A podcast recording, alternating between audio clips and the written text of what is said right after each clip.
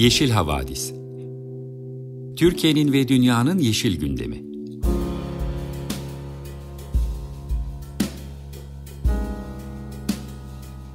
Hazırlayan ve sunanlar Demet Yaman Er, Savaş Çömlek, Dilan Altın Makas, Sare Abit ve Tansu Yeşilkır.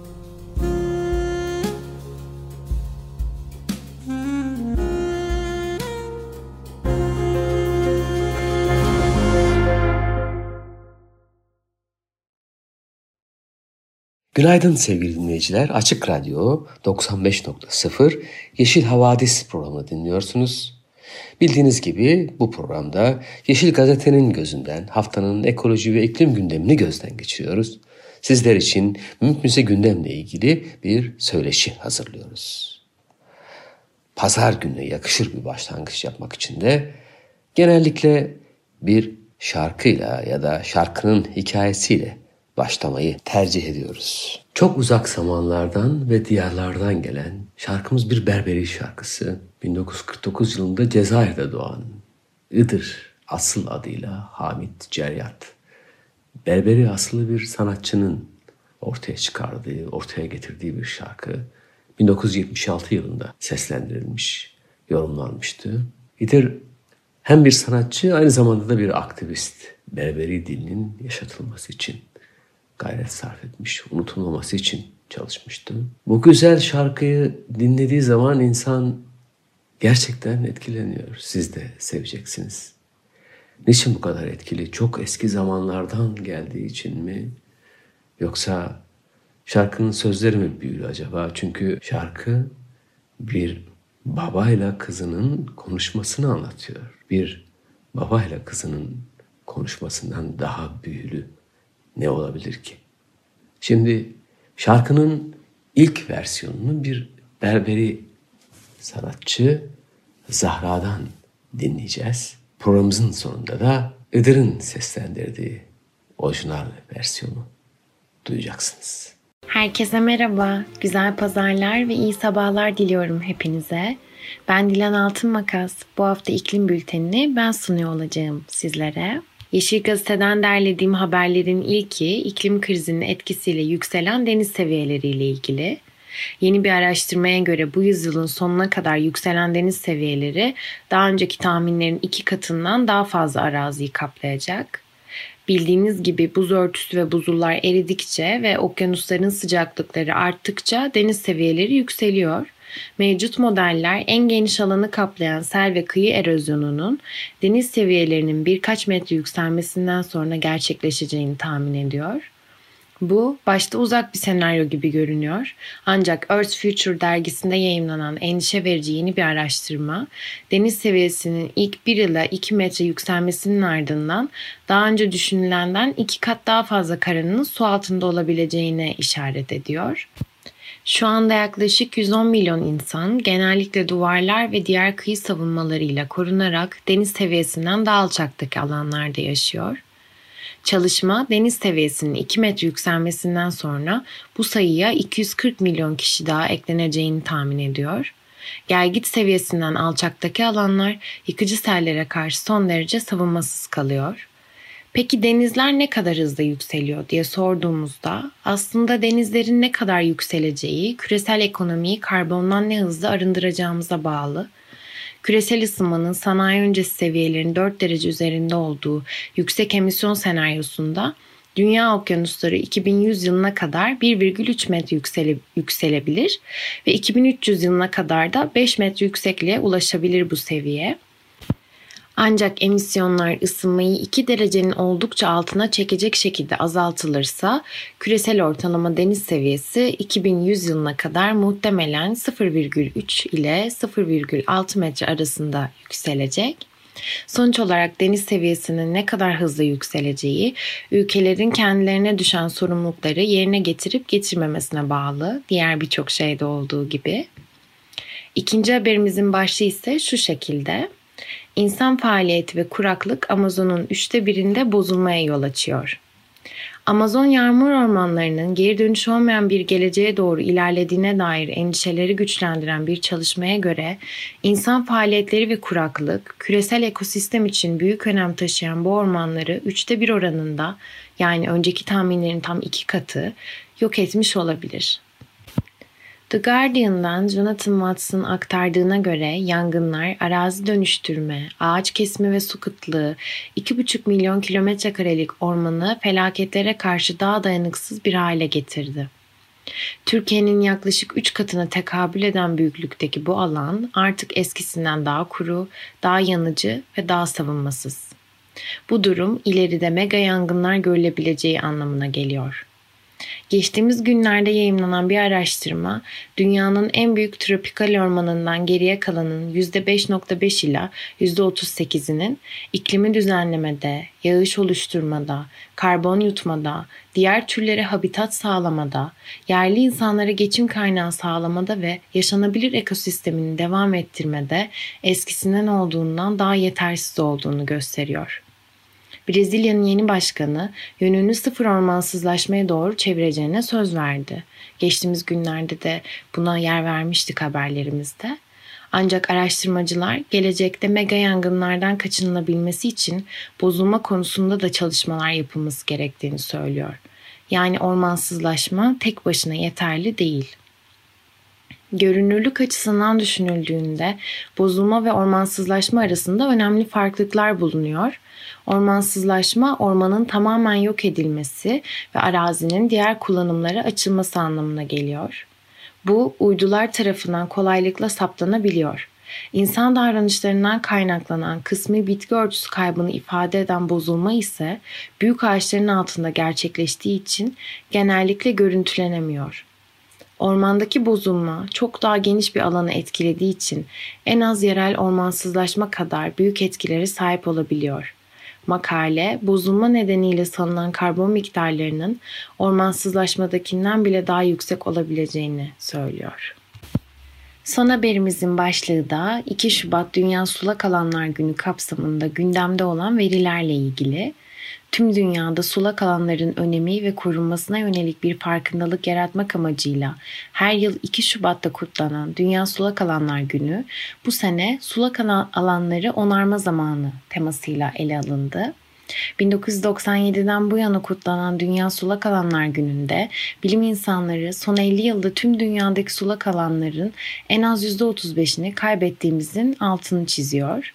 Türkiye, sulak alanların korunmasını amaçlayan uluslararası bir sözleşme olan Ramsar Sözleşmesi'ne 1994 yılında imza attı ve Akyatan Gölü, Burdur Gölü, Gediz Deltası, Göksu Deltası, Kızılırmak Deltası, Kızıl Kızören Obruğu, Kuyucuk Gölü, Manyas Gölü, Meke Mağarı, Nemrut Gölü, Seyfe Gölü, Sultan Sazlığı, Uluabat Gölü, Yumurtalık Lagünü'nü Ramsar alanı olarak tescil ederek ulusal sınırları içindeki bu sulak alanları korumayı ve akıllı kullanımını sağlamayı uluslararası düzeyde taahhüt etti.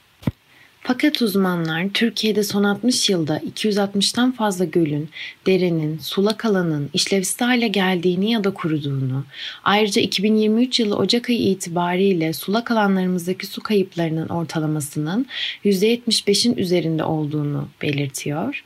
Buna ek olarak yaşanan kuraklık nedeniyle 3 aylık yağışlarda Türkiye'deki tüm bölgelerin normallerinin altına yağış aldığına değinen Doğa Derneği, etkili olan kuraklığın sulak alanları da etkilediğini belirtti. Suyun tüm canlılar için ulaşılabilir temel bir hak olarak planlanması gerektiğinin altını çizen dernek şunları kaydetti. Sulak alanların yok oluşunda tek etken dünya genelinde devam eden kuraklık değil, Tarımsal sulama ve temiz su kaynaklarının sanayi ve madenlerde kullanılması ciddi bir problem. Türkiye'de su kullanımının yaklaşık %73'ü sulamada kullanılıyor. Yanlış su politikalarının bir sonucu olarak sul tarım uygulamaları devam ediyor bildiğiniz gibi. Sulak alanlarla birlikte yüksek biyolojik çeşitliliğin de yok edildiğini aktaran dernek hem Anadolu hem de dünya için öneme sahip sulak alanların var olma hakkının anayasal güvence altına alınması gerektiğini ifade etti. Yavaş yavaş bu haftanın iklim bülteninin sonuna gelirken sonlandırmadan size güzel bir parçayla veda etmek istiyorum. Büşra Kayıkçı'dan Bring the Light sizlerle. Herkese merhaba sevgili Yeşil Vadisi dinleyicileri. Ben Demet Yaman Er. Bu hafta sizlerle ekoloji bülteninde beraberiz. Bültenimize ise Muğla'dan bir haberle başlıyoruz. Muğla'nın Dalaman ilçesinde 37 hektar alan yani yaklaşık 50 futbol sahası büyüklüğünde bir millet bahçesi yapılması için harekete geçilmiş durumda. Projenin bu esnada doğal sit alanı ve önemli doğa sulak alanı sınırları içerisinde ise ne yazık ki yine öğrenmiş bulunuyoruz.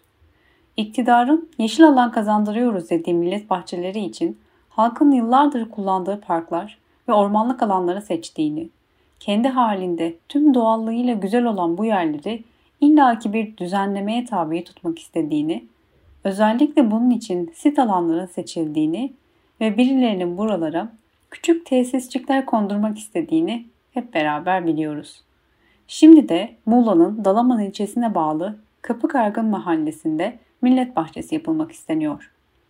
Çevre, Şehircilik ve İklim Değişikliği Bakanlığı 25 Ocak 2023 tarihinde Millet Bahçesi projesi için imar planlarını askıya çıkarmış. Toplam 37 hektar alandan oluşan planlama bölgesi yine söylediğimiz gibi doğa sit alanı, önemli doğa alan sınırları ve sulak alan sınırları içerisinde yer alıyor. Proje ayrıca doğal karakteri korunacak sazlık, bataklık alan olarak belirlenen bir bölge içerisinde de bulunuyor. Yapılan plan değişikliği ile bu alanın millet bahçesi olarak kullanılması planlanırken projede millet bahçesi kullanımının yanı sıra ayrıca 12 metre ve 10 metre genişliğinde taşıt yolları, 194 araç kapasiteli bir otopark, bisiklet park alanı ve trafo alanları yapılmasını da öngörülüyor. Ancak proje alanının Karasu Çayı, Kükürtlü Göl ve çevresindeki önemli sulak alanları içermesinin yanı sıra bölgenin güneyinde yer alan Kayacık Dalaman sahil hattında ise Bern Sözleşmesi ve nesli tehlike altındaki türlerin ticaretine ilişkin sözleşme ile koruma altına alınmış olan türlere ait kaplumbağaların yuvalama kumsal niteliğini de taşıyor.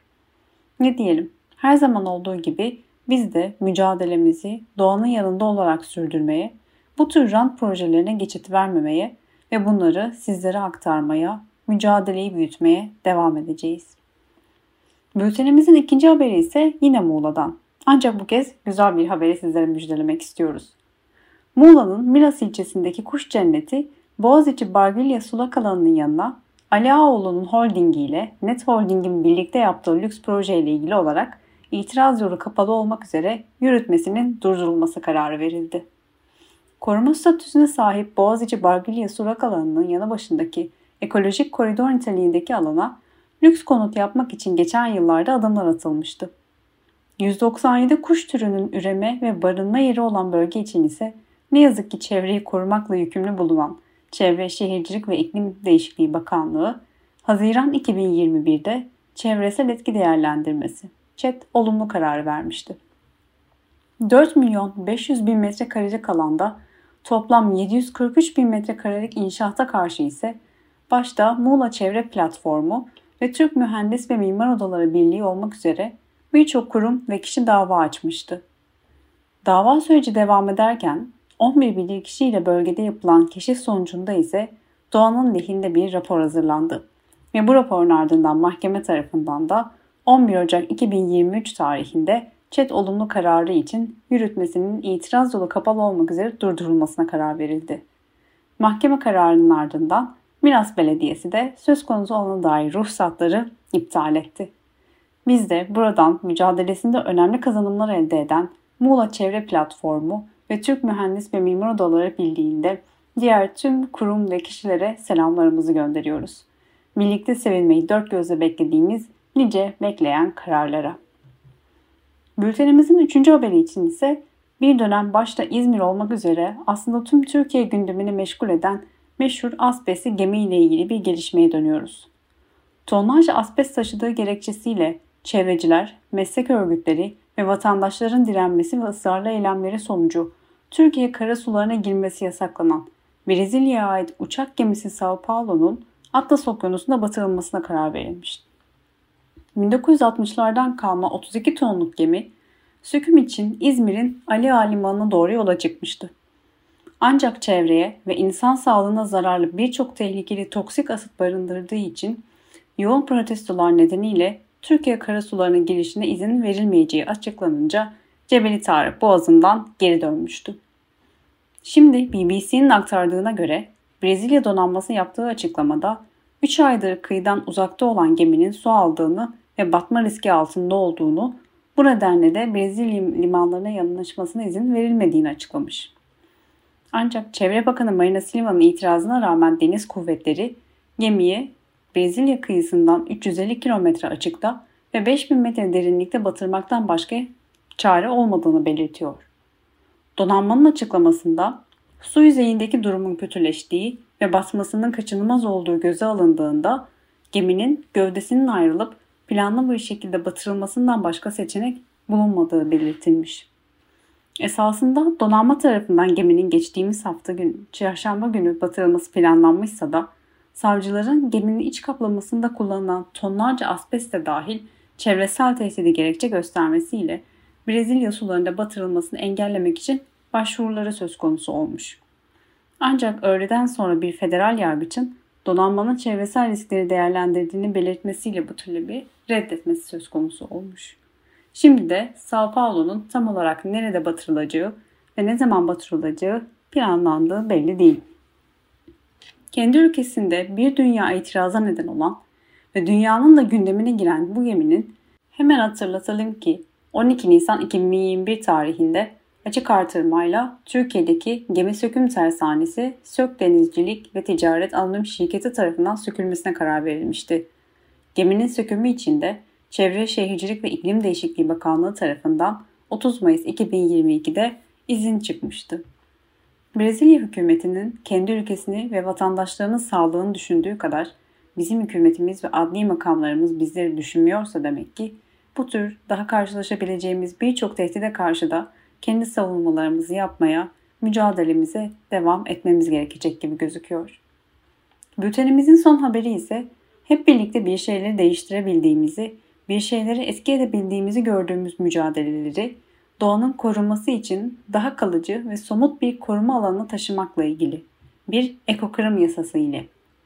Çevre, Şehircilik ve İklim Değişikliği Bakanlığı'nın verdiği ÇED olumlu ya da ÇED gerekli değil gibi kararlarla mücadele edilen yıllar yüzlerce davayı beraberinde getirmiş, gece yarılarında yönetmelik değişiklikleri toplumu ayağa kaldırmış ve anayasal bir hak olan sağlıklı bir çevrede yaşama hakkı pek çok hepimizin bildiği üzere darbe almıştı. Tüm bunlara karşı hem hukuki yollardan hem de sokakta mücadele veren çevre aktivistleri artık ekokırımın bir suç olarak kabul edilmesi için kendi yasalarını yapmada karar kıldılar. Ekokırım yasası için vatandaşlardan imzalar toplanmaya başlandı. Siz de birçok meydanda bu yasa için soğuğa aldırış etmeden imza toplayan çevre mücadelecileriyle karşılaşabilirsiniz. 70'li yıllardan itibaren hukukun konusu olan ekokırımın uluslararası hukukta ve ülkelerin iç hukuklarında tanınması için çalışmalar yürütülüyordu. Bu çalışmalar 2021 yılında ekokırımın bir suç olduğu tanımlamasının yapılmasıyla birlikte daha da hız kazanmış durumda. Bugün de dünyada 30 kadar ülkede yürütülen çalışmalarla bu değişiklikler gerçekleştirilmeye çalışılıyor. Ekokırım'ın Uluslararası Ceza Mahkemesi'nin baktığı 4 temel suça eklenerek 5. suç olarak kabul edilmesi için de yapılan çalışmalar bir yandan devam ediyor. Türkiye'deki çevre aktivistlerin imza almak için sokaklarda standlar kurduğu ekokırım yasası da ekosistemin bütüncüllüğüne yönelik yapılan saldırıların bir kırım haline gelmesi nedeniyle artık talep ediliyor. Ekokırım yasasına imza toplayabilmek için ayrıca bir web sayfası da oluşturulmuş durumda. Türkiye'de yaşayan kimi yurttaşların hukukçularla birlikte yazdıkları bu yasanın hayata geçirilmesi için ise kentlerde, köylerde, kırda her yerde ıslak imza dilekçeler toplanmaya başlandı ve süreçte önümüzdeki haftalar boyunca devam edecek. Nihayetine toplanan imzalar ise toplu bir şekilde Türkiye Büyük Millet Meclisi'ne başkanlığına sunulacak. Sitede yasaya ilişkin yapılan açıklamada böyle bir yasaya neden ihtiyaç duyulduğu ise şu ifadelerle açıklanmış. Yaşamın zincir halkaları birbirinden koparıldı. İklim krizinde varılan aşama gezegende yaşama olanaklarını sona erdirme sınırına dayandı. Dört bir yanda devam eden ekolojik tahribatları engellemesi gereken çevre hukuku artık işlemiyor. Doğayı ve yaşam alanlarını savunanları korumuyor. Doğayı insanın çevresi olarak tanımlayan hukuki sistem bu ekolojik tahribatları önlemek için yetersiz kalıyor. İnsan merkezi suç tanımından doğayı merkezine koyan suç tanımına geçiş, doğayı da bir hak öznesi yaparak tüm ekolojik yıkımlara karşı korumayı hukuksal açıdan güçlendirecektir.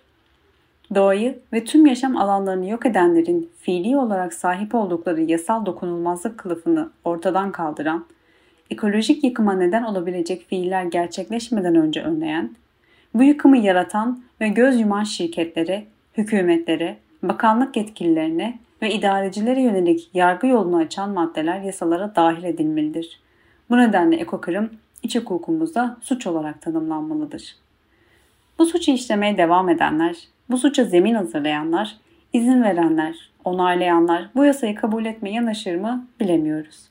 Ancak şunu iyi biliyorlar ki bu ülkede yaşamdan, doğadan, sevgiden, paylaşmaktan, korumaktan yana olanlar hiçbir zaman tükenmeyecek. Şimdi sizleri Tülay German'ın güzel sesiyle dinleyeceğimiz bu tarlası şarkısıyla baş başa bırakıyorum. Herkese iyi pazarlar. Merhaba sevgili Yeşil Havadis dinleyicileri. Ben Deniz Melsa Ergenç.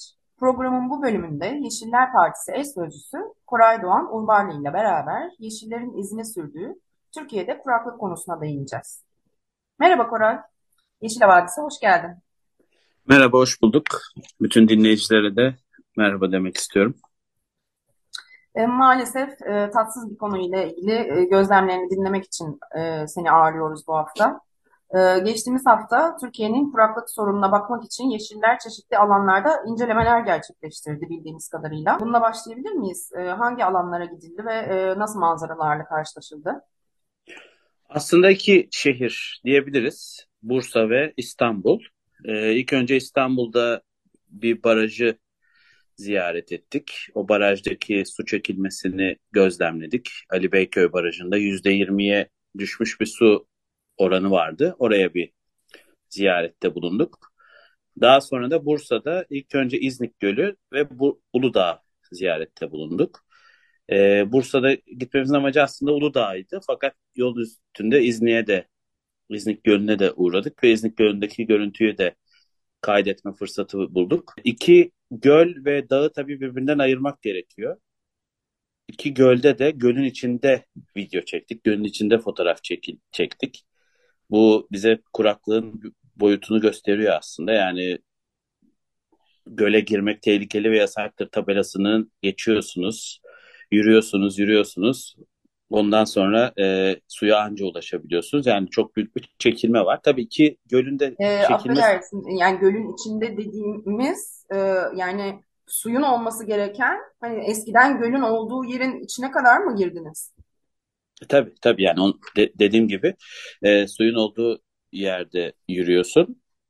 Tabii iki gölün çekilme sebepleri biraz birbirinden farklı. İznik Gölü tam anlamıyla bir e, insan eliyle yok edilmeye çalış, yok et, yok olmaya başlayan bir göl. Ali Beyköy doğrudan kuraklıkla alakalı bir baraj gölü zaten. Ali Beyköy yapay bir göl. İznik ise e, Marmara'nın en büyük doğal gölü. Türkiye'nin en büyük beşinci gölü. Doğal göl, tatlı su anlamında. O açıdan iki gölü görmek, onun üzerine Uludağ'a gitmek. Uludağ'da da e, herhangi bir kar, yani tabii çok az bir kar vardı ama e, herhangi bir işte çok uzun yukarılara çıkıncaya kadar bir kar görmemek, orada kayak yapan insanları görmemek, onun dışında insanların e, işte yürüyüş yaptıklarını, biraz böyle kızakla bir şeyler yapmaya çalıştıklarını görmek enteresan ve üzücüydü. İznik Gölü'ndeki fotoğraflar yani sanatsal açıdan güzel olabilir ama gelecek açısından kötüydü. Hep bir şey durumu var. Özellikle İznik Gölü'nde felaket sonrasında sonrasında dünyada dolaşmak gibi bir his oluyor. İskelenin altında yürüyerek geçebiliyorsunuz mesela işte üstünüzde şey yazıyor atlamak yasaktır tehlikelidir falan yazıyor ama siz onun altından yürüyebiliyorsunuz. Böyle enteresan bir yerde ama iki gölünde neden kuruduğuna dair veya Uludağ özelinde neden Uludağ e, gündemimize aldığımıza dair de konuşuruz tabii. Tabii söylediğin e, gibi yine insan eliyle e, daha uzun vadede yaratılmış olan iklim krizi e, bu kuraklığın tek nedeni değil. E, kısa vadeli uygulamalar e, asıl susuz kalmamıza direkt yol açıyor diyebiliriz. Ee, örneğin yine Yeşil Gazete'de e, defalarca kez haberleştirilen Marmara Gölü gerçeği var. Marmara Gölü 2017 yılında ulusal öneme haiz sulak alan olarak tescillenmiş idi. E, sonra e, bilinçli olarak kurutuldu e, ve Türkiye'nin ilk iklim davasına konu oldu. E, yerel halkın ve çevre belediyelerin yakarışlarına kulak tıkayarak bilinçli bir şekilde göle verilmesi gereken e, su kum ocakları kullanımına verildi ve bölgede kurutulan göl ile e, sadece balıkçılık ile tarım yok edilmedi. E, kuş cenneti olarak bilinen alanın tüm ekosistemi de bozulmuş oldu. İznik Gölü ile herhalde çok benzer bir e, süreç. Evet yani. benzer. Sadece şöyle bir temel fark var. E, yani bir göl Ege'de olduğunda daha çok e, tarıma yönelik olarak bir sıkıntıyla karşılaşıyor veya işte kuruduğunda orayı tarım alanı haline getiriyorlar. Fakat bir göl Marmara'da olduğunda orada biz bir başka faile bak bakmalıyız. Sanayi. Yani İznik Gölü'nde de çevresinde çok büyük sanayi tesisleri var ve bu sanayi tesisleri bizim genel olarak yeşiller olarak da çok karşı çıktığımız, doğru bulmadığımız sanayi tesisleri. Yani işte çok büyük kirleticiler olan çelik sanayi İznik Gölü'nün etrafında var. GDO ile anılan işte Monsanto dediğimiz bu tarım şirketi mesela yine e, İznik Gölü'nün etrafında var ve e, bunların gölden çok yoğun bir şekilde su çektiğini görüyoruz. Yani mesela İstanbul'daki kuraklığın sebebi oradaki çanağa su girmemesi ise İznik Gölü'ndeki kuraklığın sebebi hem su girmemesi hem de çanaktan su çekilmesi. Yani ikili bir e, durum var. O yüzden de İznik Gölü'nde ve tabii İznik Gölü'nün doğal olması daha da e, durumu şey yapıyor. E, durumu daha nasıl diyeyim çarpıcı hale getiriyor. Çünkü doğal olan bir şeyin insan eliyle yok edilmesi bizi daha çok üzüyor. Aynı işte Salda Gölü'nün durumu gibi, Dipsiz Göl'ün durumu gibi. Yani Türkiye'de herhangi bir yerin güzel olarak anılması, güzel olduğunun belli olması bir anda onun etrafına çeşitli sanayi tesisleri veya çeşitli beton, işte turistik tesislerin yapılmasını getiriyor ve o güzelliğin giderek yok olmasına sebep oluyor. İşte Uludağ'da da yaşadığımız bu aslında. Yani Uludağ hani çok basit bir şekilde anlatmam gerekirse Uludağ niye evet, ben de, e, Uludağ'a gittik. Uludağ'da çok uzun bir süredir bir alan başkanlığı yapılma projesi var. Alan başkanlığı için bir yasa çıktı. Bizim Uludağ'a gittiğimiz gün e, kanun yasalaşmıştı. E, yani meclisten kabul edilmişti. Resmi gazetede yayınlandığı gün gittik biz e, Uludağ'a. Nedir bu diye bakarsak alan başkanlığı. Alan başkanlığı aslında turizmcilerin oraya bina yapmak, oraya işte te, turistik tesis yapmak, restoran yapmak gibi vesaire şeyler yapmak isteyenlerin e, bürokrasiyle uğraşmaması için yaratılmış bir başkanlık. Çünkü Uludağ bir milli park. Milli parkta da çok fazla bürokrasi var. Milli parkta bir yere e, bir bina yapmak, bir restoran yapmak için çok yerden izin alıyorsunuz. Çoğu zaman da izin alamıyorsunuz. Çünkü milli parkların belli koruma statüleri var. Fakat burayı bir alan başkanlığına çevirdiğinizde zaten kanunda da yazıyor yani e, çok ilginç bir şekilde yatırımcı açısından çok uzun ve bürokratik süreçlerin yaşanmasına sebep oluyor Milli Parti yazıyor. E, yani Uludağ'ın korunmasını e, olumsuz olarak yazmışlar. Ya da işte ulaşım ve otopark organizasyonu başta olmak üzere ihtiyaç arz eden teknik altyapı eksiklikleri demişler. Bunların ortadan kalkması için yani aslında Uludağ'a daha fazla turist gidebilmesi için yapılmış bir e, düzenleme bu. Uludağ Milli Park'ta çıkartılıp alan başkanlığına geçirilmesi ki e, orada mücadele eden çevreciler Bursa yerelinde mücadele eden çevreciler de alan başkanlığının başına parantez içinde bir T koyuyorlar. Talan başkanlığı şeklinde e, bunu lanse ediyorlar ki çok doğru bir durum. Biraz daha geriye gidersek mesela geçen Temmuz'da Uludağ'dan 4000 ağaç kesilmiş e, ki milli parkken kesilmiş yani bürokrasi elleri bağlıyorken Uludağ'dan 4000 ağaç kesilmiş. Sebebi ise teleferik hattını uzatmak insanlar daha rahat kayak yapabilsinler, insanlar daha rahat kış turizmi yapabilsinler. Tamam güzel. E, fakat Uludağ'a gidince biz şunu gördük ki kış turizmi için eksik olan şey teleferin kısa olması, otoparkın az olması veya otel değil. Kış turizmi için eksik olan şey orada kar olmamasıydı. Çünkü siz orada doğasını öyle bir yok etmeye başlıyorsunuz ki çevresiyle birlikte e, kış turizmi için esas gerekli olan kar oraya yağmıyor kar olmadığında da istediğiniz kadar otopark olsun, istediğiniz kadar otel olsun. Zaten bir süre sonra oraya e, turist gelmeyecektir. Turistler oraya niye gidiyor? Orası Uludağ diye gidiyor. Orayı bir panayır alanına çevirirseniz turistlerin oraya gitmesine gerek yok. Ki Bursa gerçekten, yani ben Bursa'yı çok bilmiyordum açıkçası. Biraz dolaşma fırsatı da oldu. Çok güzel ama talan edilmiş bir şehir. O ünlü görüntüyü hatırlar bizi dinleyenler. Tepeden çekilmiş e, şehrin ortasında TOKİ blokları. Her işte şu an rakamları tabii tam net bilmiyorum ama işte her bina 5 katlıyken şehrin tam ortasında 20 katlı 30 katlı bir sürü e, TOKİ bloğunun yapıldığını e, görebilirsiniz. Şimdi ben, ben gittiğimde o da gözükmüyordu Bursa'da. Çünkü çok yoğun bir sis vardı. Çok yoğun bir hava kirliliği vardı. E, bu da tabii çok önemli bir problem. İşte siz Uludağ'ı işte Bursa'nın temiz hava kaynağını böyle yok ederseniz, e, bir şekilde yok etmeye çalışırsanız zaten sizin elinizdeki o bütün güzellikler de teker teker yok oluyor aslına bakılırsa. E, şimdi bu alan başkanlığı geçti. E, bakalım ne olacak ama tabii bir başka son olarak Uludağ ile alakalı şöyle bir bilgi vereyim. Onu da ilginç yani hazin bir şekilde daha o panoları falan kaldırmamışlar. Belki de kaldırmazlar bilmiyorum. Milli Park'ın panoları var. İşte Uludağ'da diyor 1320 bitki örtüsü tespit edilmiştir. Bitki türü pardon, bitki türü tespit edilmiştir diye bir pano var mesela. Bunu araştırınca bu 1320 bitkinin 32'si sadece dünyada Uludağ'da yaşıyor. Bu şimdi bize az gelebilir ama çok büyük, çok önemli bir şey. Ee, o 1320 bitki türünün 169'u sadece Türkiye'de yaşıyor. Yani dünyanın başka hiçbir yerinde yok. E, şimdi yavaş yavaş orada şeyi göreceğiz tabii ki.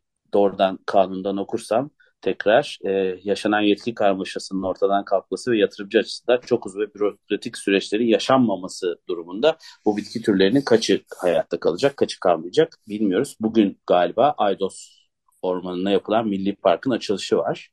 Ya zaten bir ormandı. İnsanlar gidebiliyorlardı oraya. E, fakat şu anda oraya daha fazla bina yaparak, daha fazla işte e, restoran, şu bu yaparak orayı milli park haline getirdiler ve orayı böyle bir panayır alanı haline getirdiler. Üzücü bilgiler e, maalesef. E, peki e, bundan sonra bu kuraklıklarla, e, bu çevre sorunlarıyla, e, gıda ve ekosistem krizleriyle boğuşmak, e, yani bu coğrafyanın kaderi mi olacak? E, çözüm var mıdır? Çözüm nasıldır? E, Yeşiller e, çözümü nerede görüyor? Ya ilk önce aslında coğrafyanın kaderi olacağını kabul etmek bir çözüm için adım olabilir.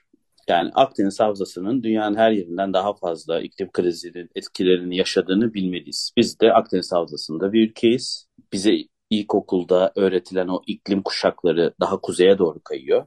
Yani bizim Akdeniz iklimi dediğimiz şey artık İstanbul'da görülüyor. Böylece Akdeniz'de de daha güneyde görülen iklim şartlarını görüyoruz. Yani iklim daha ısınıyor ve kuşaklar kuzeye doğru kayıyor. Şimdi bunun bir gerçek olduğunu bilmemiz ve bunun bir gerçek olduğunu e, kafamıza yazmamız lazım. O zaman biz buna göre hareket edeceğiz. Şimdi buna göre hareket etmek ne demek? Bir, bunun daha da e, yoğunlaşmasını engellememiz gerekiyor. Yani bunun daha da kötüye gitmesini engellememiz gerekiyor. İki, var olan kötülüğün içerisinde yaşa, hayatta kalmayı becermemiz gerekiyor. Yani bu Uludağ yapılan şey ya da e, işte İstanbul'un kuzey ormanlarına yapılan talan, başka başka yerlere yapılan talanlar. Yani Yeşil Gazete'de de iki günde bir bir yerdeki orman bir ormanın artık orman olmadığı, imara açıldığı gibi haberler çıkıyor. Şimdi bunlardan vazgeçmemiz gerekiyor. Çünkü bunlar gitgide bu durumu daha da kötüye itecekler. Yani evet bizim bir biz bir kaderin içerisindeyiz. Ama bu kaderi terse çevirebiliriz. Fakat şu an yönetenler bu kaderin daha da kötüye gitmesi için kararlar alıyorlar. Daha da kötüye götürecek işlerin altına imza atıyorlar. İklim kriziyle kuraklıkla boğuş, boğuşmak için ya bunun içerisinde olduğumuzu bilmemiz gerekiyor. Biz şu anda bir kuraklığın içerisindeyiz. Şubat ayındayız. İstanbul'da daha kar yağmadı. Belli yerlere yavaş yavaş kar yağmaya başladı ama bunların 2-3 ay önce olması gerekiyordu. Mevsimler kaymıyor. Bunu her zaman biz böyle bir şeye inanıp rahatlamaya çalışıyoruz. Hani kış artık kayıyor. Hayır kış kaymadı. Kış kısaldı.